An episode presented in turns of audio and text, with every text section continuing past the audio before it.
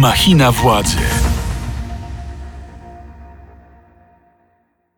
Błażej Makarewicz, machina władzy, dzień dobry. Od kilku dni w Rosji trwa zarządzona przez Władimira Putina mobilizacja wojskowa, która spotyka się z dużym sprzeciwem rosyjskiego społeczeństwa. Rosjanie masowo opuszczają kraj, a informacje, które do nas docierają, wskazują na to, że mobilizacja odbywa się w atmosferze totalnego chaosu i licznych absurdów. Słyszymy na przykład, że wezwania do wojska otrzymują osoby, które nie żyją. Mówi się także o prowadzonych czystkach etnicznych. W naszym studiu jest generał Stanisław Kozi, były szef Biura Bezpieczeństwa Narodowego. Dzień dobry. Dzień dobry. Panie generale, to może zanim przejdziemy do tematu mobilizacji wojskowej w Rosji, powiedzmy na jakim etapie jest obecnie wojna w Ukrainie. Od kilku tygodni trwa ukraińska kontrofensywa. Co do tej pory udało jej się osiągnąć? No ten, ten moment wojny można było określić jako kolejny przełom. Już mieliśmy takie co najmniej dwa takie przełomy. Pierwsza to ta bitwa kijowska, kiedy Rosja musiała się wycofać. Drugi ważny to jest właśnie ofensywa ukraińska w Charkowie. No i po tej ofensywie chyba zaczyna, się właśnie taka trzecia faza tej wojny, e, którą najkrócej ja bym powiedział tak, że jesteśmy świadkiem krachu już tej operacji specjalnej, którą Putin do tej pory próbował Rosjanom wmówić, że prowadzi tam tylko operację specjalną. Ale chyba dalej tak twierdzi. Niech się nie martwią. No tak, tak, twierdzi, ale właśnie obserwujemy chyba moment taki, kiedy będzie musiał jednak powiedzieć, że kończymy operację specjalną i co? No i będzie Rosja musiała bronić się przed agresją, czyli jakąś wojnę obronną. Ale oczywiście chciałby zakończyć tę operację specjalną sukcesem, no bo nie może być tak, że Putin coś robi i, i to się nie udaje, prawda? Więc tym sukcesem, myślę, ma być właśnie włączenie okupowanych terytoriów do Rosji. Włączy referenda, kończą się niedługo, Duma to za, zaakceptuje i wtedy Putin Putin może powiedzieć, no tak, skończyliśmy operację specjalną z sukcesem, e, wyzwoliliśmy te stare, prastare ziemie ruskie, no ale teraz nas atakują na terytorium Rosji i będzie miał możliwość przejścia właśnie do tej narracji już obronnej. I ta mobilizacja to jest jakiś akt desperacji? No, bez mobilizacji on by nie mógł w ogóle nic zrobić. Bez mobilizacji mógłby się tylko bronić i to nie, nieskutecznie zapewne, jak pokazują te działania ukraińskie w, w obwodzie charkowskim, czy nawet w hersońskim, gdzie Ukraińcy też e, z, zagrażają dużemu zgrupowaniu rosyjskiemu, które znajduje się na zachodnim brzegu Dniepru.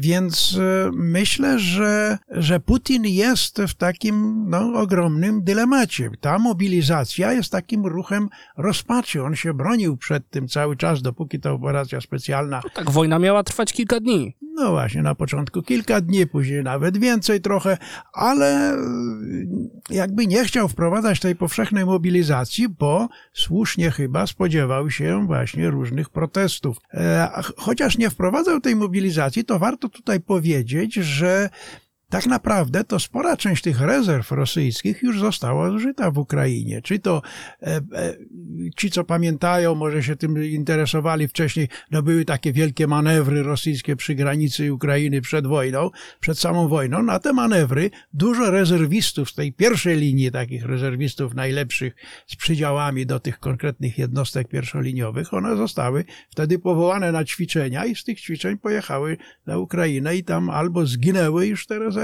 albo dalej walczą. Podobnie trochę też e, przerzedzone zostały te zasoby rezerw przez e, takie ochotnicze, formowanie ochotniczych batalionów na, temat, na terytorium całej Rosji. Dlatego dzisiaj, jak obserwujemy te kłopoty, o których Pan wspomniał na początku, mm, wśród Rosjan, e, no to one wiążą się z tym, że ta mobilizacja jest przymusowa, że już biorą tych ludzi, którzy nie spodziewali się, że w ogóle na wojnę pójdą. Za takie jak desperacji chyba można uznać właśnie te pseudoreferenda w obwodach donieckim, ługańskim, hersońskim i zaporowskim, o których pan zresztą wspomniał. Mm, one mogą radykalnie zmienić sytuację i na ile mogą być podobne do tych wydarzeń z 2014 roku? No najwyraźniej Rosja chce ten model krymski tutaj zastosować, czyli te dwa nowe regiony, czyli zaporowski i hersoński na zasadzie, że tak powiem, Krymu, czyli najpierw ogłoszenie niepodległości, ale jednocześnie w tym samym ruchu przyłączenie się do Rosji. Natomiast te donbaskie dwa obwody, no to u nich idzie tylko sprawa o włączeniu ich do Rosji, bo one już nie jako samodzielne byty, jako samodzielne byty polityczne zostały wcześniej przez władze Rosji uznane. No jest to, jest to ruch, który z jednej strony być może da Putinowi możliwość powiedzenia Rosjanom, że coś jednak uzyskałem, ale z drugiej strony jest to też taki instrument eskalacji tej wojny przez Putina, bo też warto chyba podkreślić, że Putin w tej wojnie kieruje się cały czas od samego początku taką metodą eskalacji. Jeżeli masz jakieś kłopoty, to na wyższy poziom eskalacji. Coraz bardziej, coraz bardziej od takiej prostej interwencji poprzez wojnę totalną, zbrodniczą, prawda? A teraz? A teraz właśnie włączając te mm, terytoria e, do Rosji, uzyskuje jak gdyby instrument w opinii Rosjan, w opinii swojej publicznej, e, możliwość użycia wszystkich środków, jak to on powiedział, włącznie z bronią nuklearną. W związku z tym on jak gdyby uzyskuje możliwość szantażowania ostrzejszego niż do tej pory ten szantaż był. On cały czas tym nuklearnym straszakiem się posługiwał, ale po referendum ten straszak stanie się jeszcze bardziej wyrazisty, jeszcze mocniejszy, jeszcze silniejszą bronią w ręku Putina. E, no i nie wiadomo, jak on będzie oddziaływał na Ukrainę i na Zachód. No, te referendum z 2014 poszło bardzo sprawnie. Pytanie, y, jak to będzie wyglądało teraz? No tu tak jak, jak dochodzą takie różne strzępy informacyjne, bo te referenda już trwają, że ono już tak gładko nie idzie. No na Krymie było jednak inaczej, dlatego że tam, po pierwsze, to tam rzeczywiście na Krymie było dużo ludności rosyjskie, prorosyjskie i tak dalej, i tak dalej. Większość, prawda, więc, więc to dużo łatwiej tam szło. Tam nie toczyły się żadne działania wojenne, bo armia ukraińska na Krymie prawie natychmiast przestała w istocie rzeczy prowadzić działania bojowe, prawda? Ona tam niby to była, te resztki coraz to mniejsze, ale metodą takiego ich wypychania, zamykania w garnizonach prawie, że e, ona została zneutralizowana. Natomiast tutaj mamy do czynienia z działaniami wojennymi na terenach tych okupowanych, gdzie prowadzone są referenda, działają siły specjalne ukraińskie, działają różne grupy oporu tam organizowane podziemie, podziemie takie zbrojne podziemie na tych terenach okupowanych. E, w związku z tym dużo ludzi uciekło, jeszcze do tego dodajmy w czasie wojny, w czasie tych działań wojennych dużo mm, uciekło, więc te referenda e, nie tylko, że są trudniejsze w sensie technicznym do przeprowadzenia, ale jednocześnie są jeszcze mniej wiarygodne niż były na Krymie, prawda? Dla świata zewnętrznego, no w warunkach pod karabinem, jeżeli idzie do, do, do, do wyborów, albo z karabinem przychodzi urna do, do, do, do, do domu, że masz tam zagłosować, no to wiadomo, jaki, jaki głos ten człowiek zastraszony w, w swoim domu będzie musiał oddać. I teraz zasadnicze pytanie, na ile ta zarządzona częściowa mobilizacja wojskowa może być punktem zwrotnym, bo kiedy dzisiaj słuchamy głosów różnych ekspertów, to z jednej strony słyszymy mm, takie oceny bagatelizujące rosyjskie możliwości, a z drugiej strony wprost przeciwnie, mówi się o poważnym zagrożeniu i o tym, że mm, ten potencjał rosyjski jest jednak niedoceniany przez niektóre mm, ośrodki obserwujące wojnę. E, ja bym na te skutki mobilizacji popatrzył w, takie, w taki płynny sposób, bym powiedział, bo co innego jest uzupełnianie na podstawie tych, tej mobilizacji, uzupełniania strat w tych jednostkach, które już są w Ukrainie, które poniosły ogromne straty, brakuje żołnierzy. No więc takich pojedynczych rezerwistów do poszczególnych jednostek w Ukrainie, no Rosja może już teraz tej mobilizacji w ciągu paru tygodni najbliższych, powiedzmy sobie w ogóle w tym sezonie jesiennym, może z tej mobilizacji uzupełniać straty, które e, występują na froncie bezpośrednio w wojnie z ukraińskiej. No ale to nie zmieni oczywiście w żadnym wypadku kondycji bojowej tej, tej, tych wojsk ukraińskich, które są w defensywie prawie na całym froncie. Druga fala... Rosyjskich, tak? E, rosyjskich. E, tak, rosyjskich, przepraszam. Druga fala tych skutków e, mobilizacji może być gdzieś, powiedzmy, w ciągu zimy. To znaczy, w ciągu zimy mogą być na podstawie zmobilizowanych e, zasobów tworzone jakieś pododdziały rezerwowe, uzupełniane, wyposażane w broń, też z magazynów mobilizacyjnych, przeszkalane, więc to już tacy rezerwowi serwiści powiedzmy z tej drugiej fali, którzy nie są natychmiast gotowi do, do prowadzenia działań, trzeba ich przeszkolić. Na to potrzeba już jakichś tam tygodni y, sporych, e, więc myślę, że tak zimą być może jakieś małe pododdziały mogą dochodzić e, na front ukraiński, ale one wciąż jeszcze nie zmienią sytuacji, żeby mogła Ukra- e, armia rosyjska przejść do ofensywy. Dopiero gdzieś myślę wiosną, jeżeli Ukraina nie będzie w tym przeszkadzać na froncie za bardzo. Powiedzmy taką symulację sobie intelektualną przeprowadźmy. Jeśli Ukraina by przestała za bardzo przeszkadzać, no to gdzieś do wiosny z tej mobilizacji Rosja mogłaby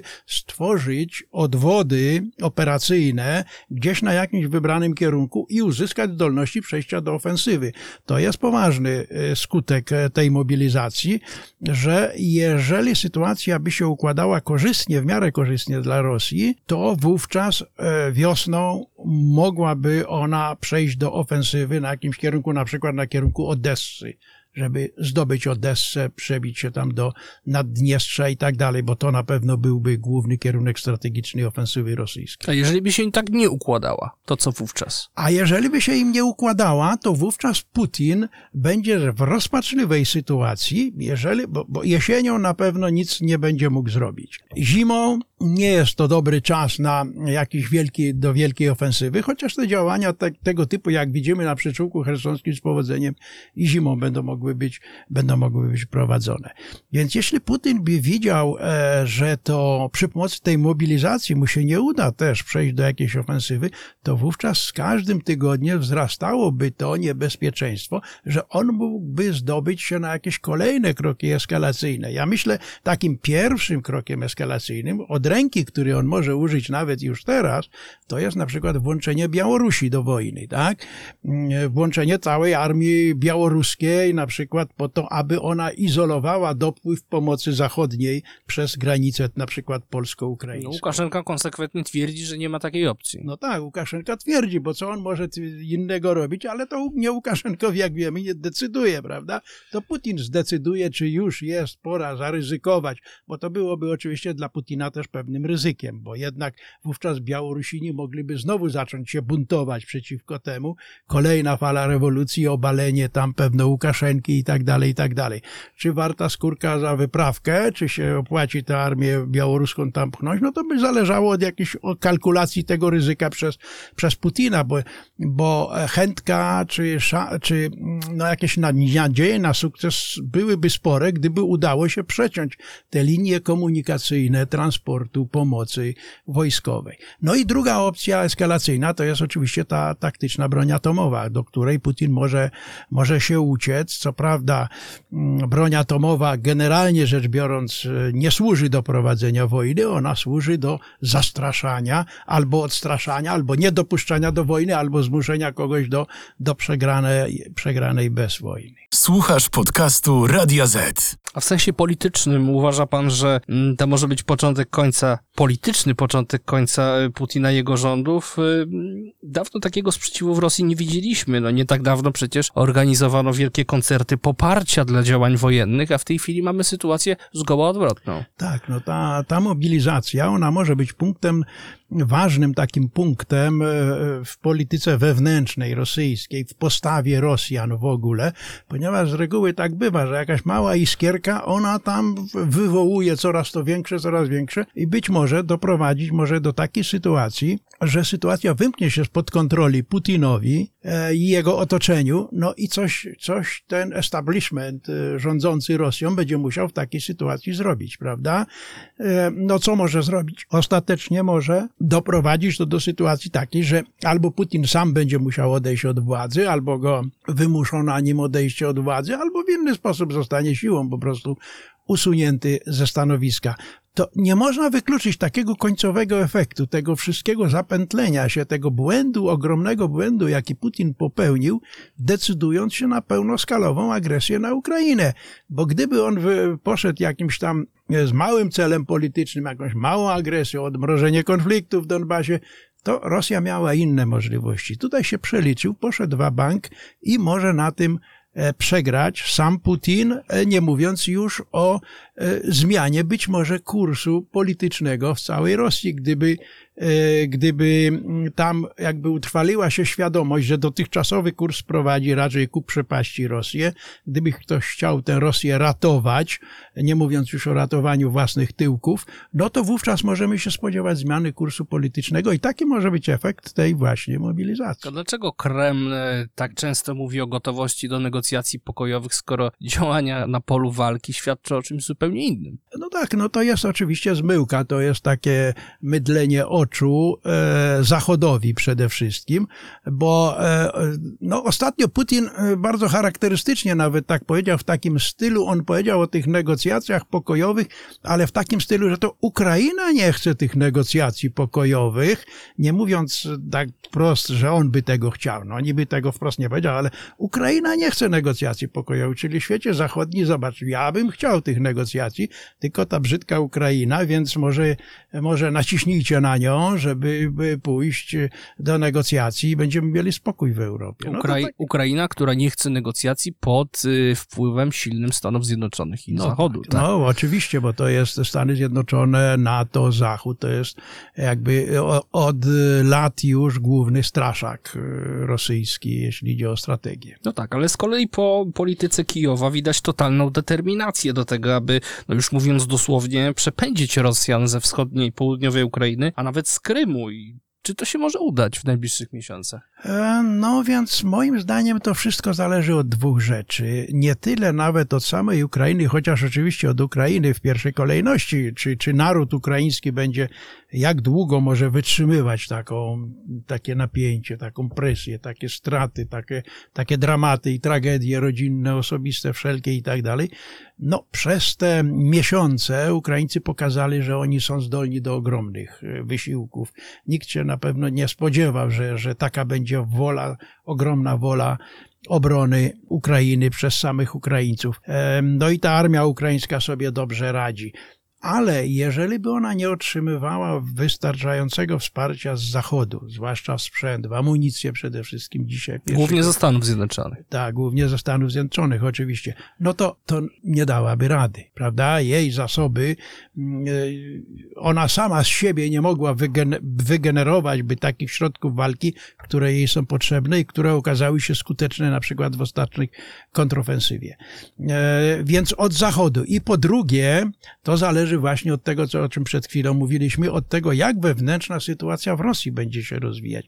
Jeżeli Zachód będzie konsekwentnie wspierał Ukrainę mocno, a jednocześnie e, w Rosji zaczną się e, szerzyć wątpliwości, czy czasami ten kurs jednak nie jest dla nas zbyt ryzykowny, czy ten szantaż nuklearny to nie jest pójście krok za daleko, bo w jego reakcji może być coś, co e, Rosję może także ostatecznie doprowadzić do zniszczenia. No więc e, jeżeli w Rosji pojawią się tego typu tendencje wewnętrzne, polityczne, zmierzające do być może zmiany tego kursu, niekoniecznie wycofania się całkowitego, ale zmiany kursu takiego, który by pozwolił być może rozpocząć na przykład jakieś negocjacje, chociaż Ukraina, jak słusznie pan powiedział, mówi nie, bo my najpierw chcemy wyzwolić sobie terytoria, wtedy siądziemy do stołu i ustalimy zasady przyszłej gry, prawda? I to jest logiczne i słuszne ze strony Ukrainy, moim zdaniem, ze strony władz ukraińskich podejście. Czy ono okaże się do końca skuteczne, czy się uda wyzwolić e, tereny zajęte przez Rosję, przynajmniej te tereny zajęte po 24 lutego, bo myślę, że Ukraińcy dzisiaj mówią, że wszystko chcieliby wyzwolić zanim siądą do stołu, ale gdyby im się udało wyzwolić tylko to, co po 24 Putin zabrał, to wtedy myślę, że byłaby spora szansa siądnięcia do stołu także ze strony Ukrainy, prawda? 47% Polaków obawia się, że Rosja może użyć broni atomowej w wojnie na Ukrainie. Wynika z sondażu Ibris dla Radia Z. Jak bardzo realne jest to zagrożenie w tym momencie? No nie wiem, nie trudno powiedzieć w procentach, czy ono rzeczywiście takie mniej więcej około 40% mogłoby być.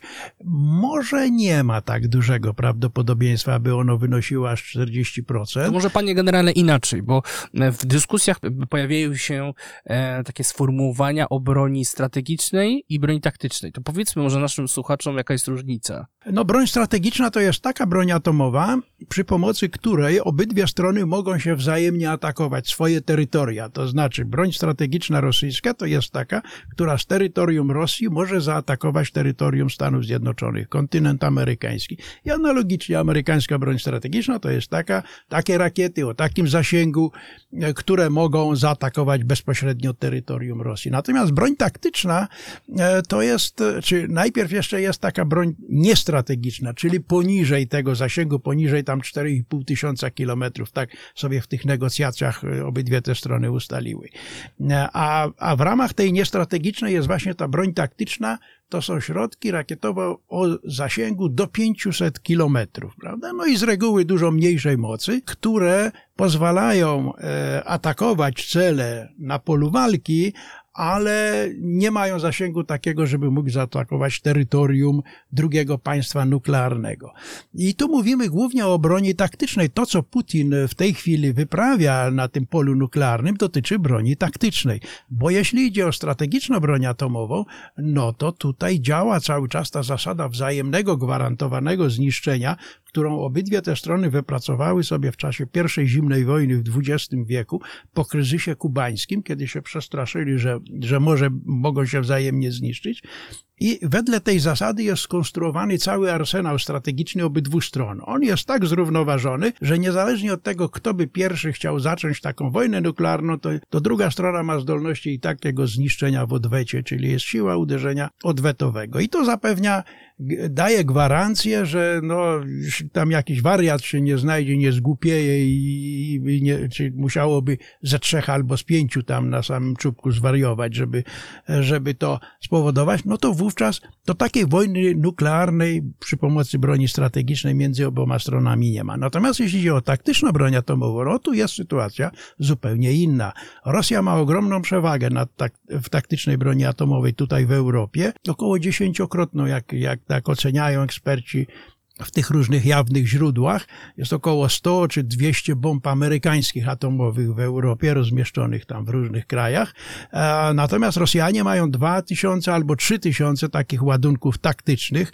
No na przykład te słynne Iskandery, o których tutaj słuchacze zapewne niejednokrotnie słyszeli, mają takie ładunki, przy pomocy których e, mogą właśnie tego typu atak dokonywać. I Putin szantażuje właśnie tą taktyczną bronią atomową, że on może jej użyć. Oczywiście tutaj w kontekście Ukrainy on nie szantażuje, że zaatakuje NATO taktyczną bronią atomową. Nie, on szantażuje, że zaatakuje Ukrainę, jeśli Ukraina nie będzie chciała się poddać, zakończyć wojny i tak dalej, i tak dalej.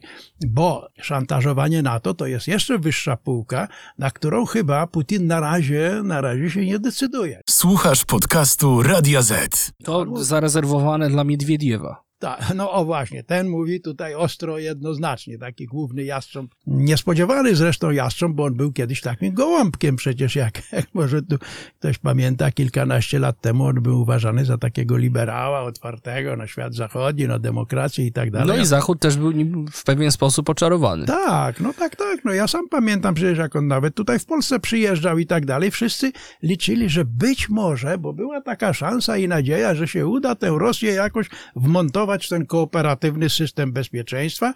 No i ten Putin był takim twardym i złym, a ten Miedwiediew taki lepszy. No więc Zachód próbował inwestować w tego Miedwiediewa, że być może poprzez niego się e, uda doprowadzić do tego, żeby Rosja nie kontynuowała jakiejś imperialnej polityki. No to oczywiście się nie, nie za bardzo udało, bo Miedwiediew był tylko listkiem figowym dla Putina, jak się okazało, no a dzisiaj jest głównym jastrzębiem. Głównym radykałem. A zakładając ten najczarniejszy scenariusz, scenariusz, że e, Putin użyje broni taktycznej, to jakie to konsekwencje będzie miało bezpośrednio dla nas, dla Polski, dla krajów NATO? No, to mogą być oczywiście bardzo poważne konsekwencje, dlatego że użycie nawet taktycznej broni atomowej, nawet użycie takie ostrzegawcze, bo ta doktryna rosyjska to ona zakłada, jeszcze, jeszcze ona jest tam stopniowalna. Pierwsze użycie to takie ostrzegawcze gdzieś w powietrzu, nikogo nie atakuje, tylko takie bah, dokonanie wybuchu i danie sygnału drugiej stronie, no siadajmy do stołu, bo już jesteśmy na progu wojny atomowej. Jeszcze dwa ruchy dalej będziecie robić, no to już jesteśmy zdeterminowani E, druga faza to jest wykonanie jakiegoś ataku na jakiś ściśle wojskowy cel, gdzieś tam odizolowany, żeby znowu jakiś wielki szkód nie sprawić, ale pokazać, że oto już, już trwa wojna nuklearna, prawda? Siadajmy do stołu, negocjujmy pokój, bo jesteśmy na progu wojny, co, co, ale to, co złapaliśmy, no to nasze oczywiście, będziemy tam negocjować. No i w końcu także ataki na jakieś ważniejsze strategiczne e, obiekty, już również i cywilne, nie tylko wojskowe. No więc jakie to mogłyby mieć skutki? Powiedzmy po pierwsze, że pierwszym skutkiem to powinna być jakaś zdecydowana postawa już w tej chwili Zachodu, powstrzymująca Putina przed podjęciem w ogóle takiej decyzji. Bo jeżeli on już użyje broni, jeżeli taki wybuch nastąpi, no to już jest gorsza sprawa. Więc powstrzymywanie go przede wszystkim przypomnienie nie, jemu, a nie tylko jemu, Rosjanom w ogóle, całemu narodowi rosyjskiemu, że Zachód też ma broń atomową, że użycie taktycznej broni atomowej to jest przekroczenie pewnego progu, pewnego tabu takiego. No, nikt od 1945 roku nie zdecydował się użyć broni atomowej, chociaż tysiące, tysiące tych ładunków na całym świecie jest, prawda? Rosja by tu dokonała czy jakiegoś kroku takiego, rzeczywiście przekroczyła wielką czerwoną linię i musiałaby się spotkać z jakąś totalną izolacją światową, prawda? Nie tylko Zachodu, ale przypuszczam, że innych państw świata. To, to trzeba narodowi rosyjskiemu i tym przywódcom uświadamiać, że to im grozi, że wówczas Zachód musiał postawić stan alarmu, całą swój arsenał nuklearny i taktyczny, i strategiczny, i wszelkie inny, bo nie wiadomo, jeżeli Rosja tak zgłupiał, zdecydowałaby się użyć jakiegoś gdzieś tam małego ładunku nuklearnego dla ostraszania, to znaczy, że jest nieodpowiedzialna. W związku z tym powinien być jasny komunikat dla Putina i dla Rosji powiedziany, jeżeli użyjecie taktycznej broni atomowej w jakiejkolwiek formie, to my natychmiast stawiamy w pełną, pełny alert cały nasz arsenał nuklearny, jesteśmy na progu strategicznej wojny nuklearnej i każdy ruch następny, jeżeli się nie zatrzymacie, nie wycofacie, nie odpuścicie, to będzie wasza zagłada tak samo na zasadzie tej wzajem, zasady wzajemnego gwarantowanego zniszczenia. Natomiast gdyby jednak on użył, no to yy, to mogą być także pewne skutki bezpośrednie, na przykład dla nas, no my jesteśmy sąsiadami. No, powiedzmy, że gdzieś by użył takiej taktycznej broni atomowej w okolicy Lwowa, czy gdzieś tu w pobliżu, prawda, e, no to skażenie promieniotwórcze mogłoby już do nas dotrzeć, w zależności od tego, jakby te wiatry wiały, prawda, bo to, bo to też zależy. Moglibyśmy i w ten sposób NATO mogłoby być bezpośrednio dotknięte skutkami takiego uderzenia nuklearnego, nie tylko sama Ukraina, ale także NATO, prawda? No i teraz jak na to sojusz powinien zareagować? Jak to interpretować? Czy bezpośrednio? Tak, jak interpretować? No jako atak jako atak na nasze terytorium, prawda? Musiałyby pójść wtedy jakieś bezpośrednie akcje mocno odwetowe w stosunku do Rosji. Nie mówię tu o uderzeniach nuklearnych bezpośrednio na terytorium Rosji, ale no na przykład na morzu, wprowadzenie na przykład de, deblok, deblokada Odesy, czyli wprowadzenie sił morskich, żeby y, złamać blokadę rosyjską e, na Morzu Czarnym. Nie wiem, blokada Kaliningradu, blokada Petersburga na, na, na Bałtyku. A więc takie działania militarne wokół Rosji, e, nie będące atakowaniem terytorium Rosji, ale jednocześnie jak gdyby jej totalną izolacją strategiczną, wojskową, ekonomiczną, oczywiście polityczną, kulturową, wszelką, aż do, do wszelkich zawodów sportowych i tak dalej, i tak dalej. To, to, to powinny być takie, takie konsekwencje. Pewnie bezpośrednio wsparcie wojskowe Ukrainy nieograniczone już zaopatrywaniem w broń wszelakiego rodzaju, bez mówienia, że nie wolno wam strzelać na terytorium Rosji albo że wam nie damy jakiegoś zasięgu.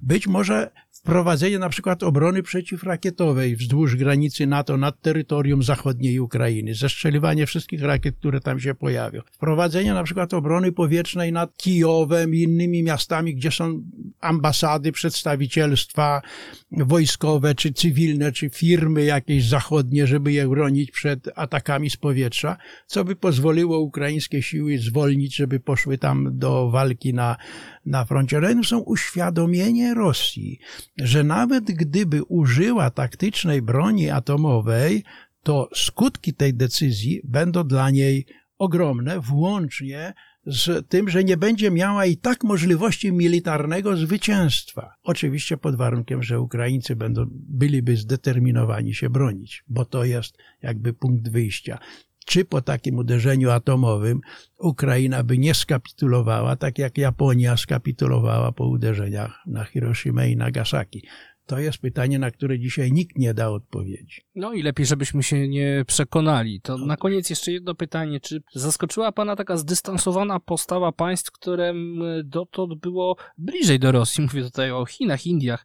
E, premier Indii Narendra Modi mówił e, w Samarkandzie Putinowi, to nie czas na wojnę. E, no tak, to dla mnie to było lekkie zaskoczenie, ta atmosfera E, stosunku do Putina na tym e, spotkaniu Szanghajskiej Organizacji Współpracy.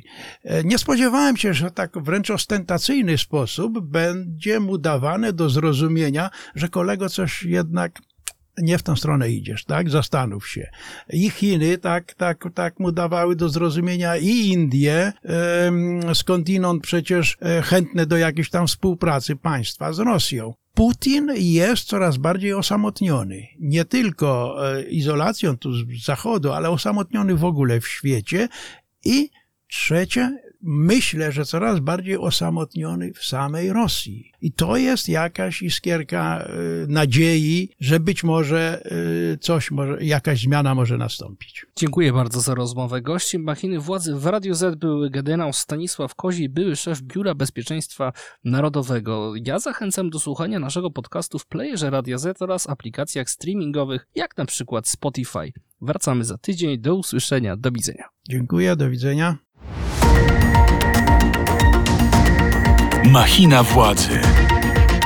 Więcej podcastów na player radioz.pl.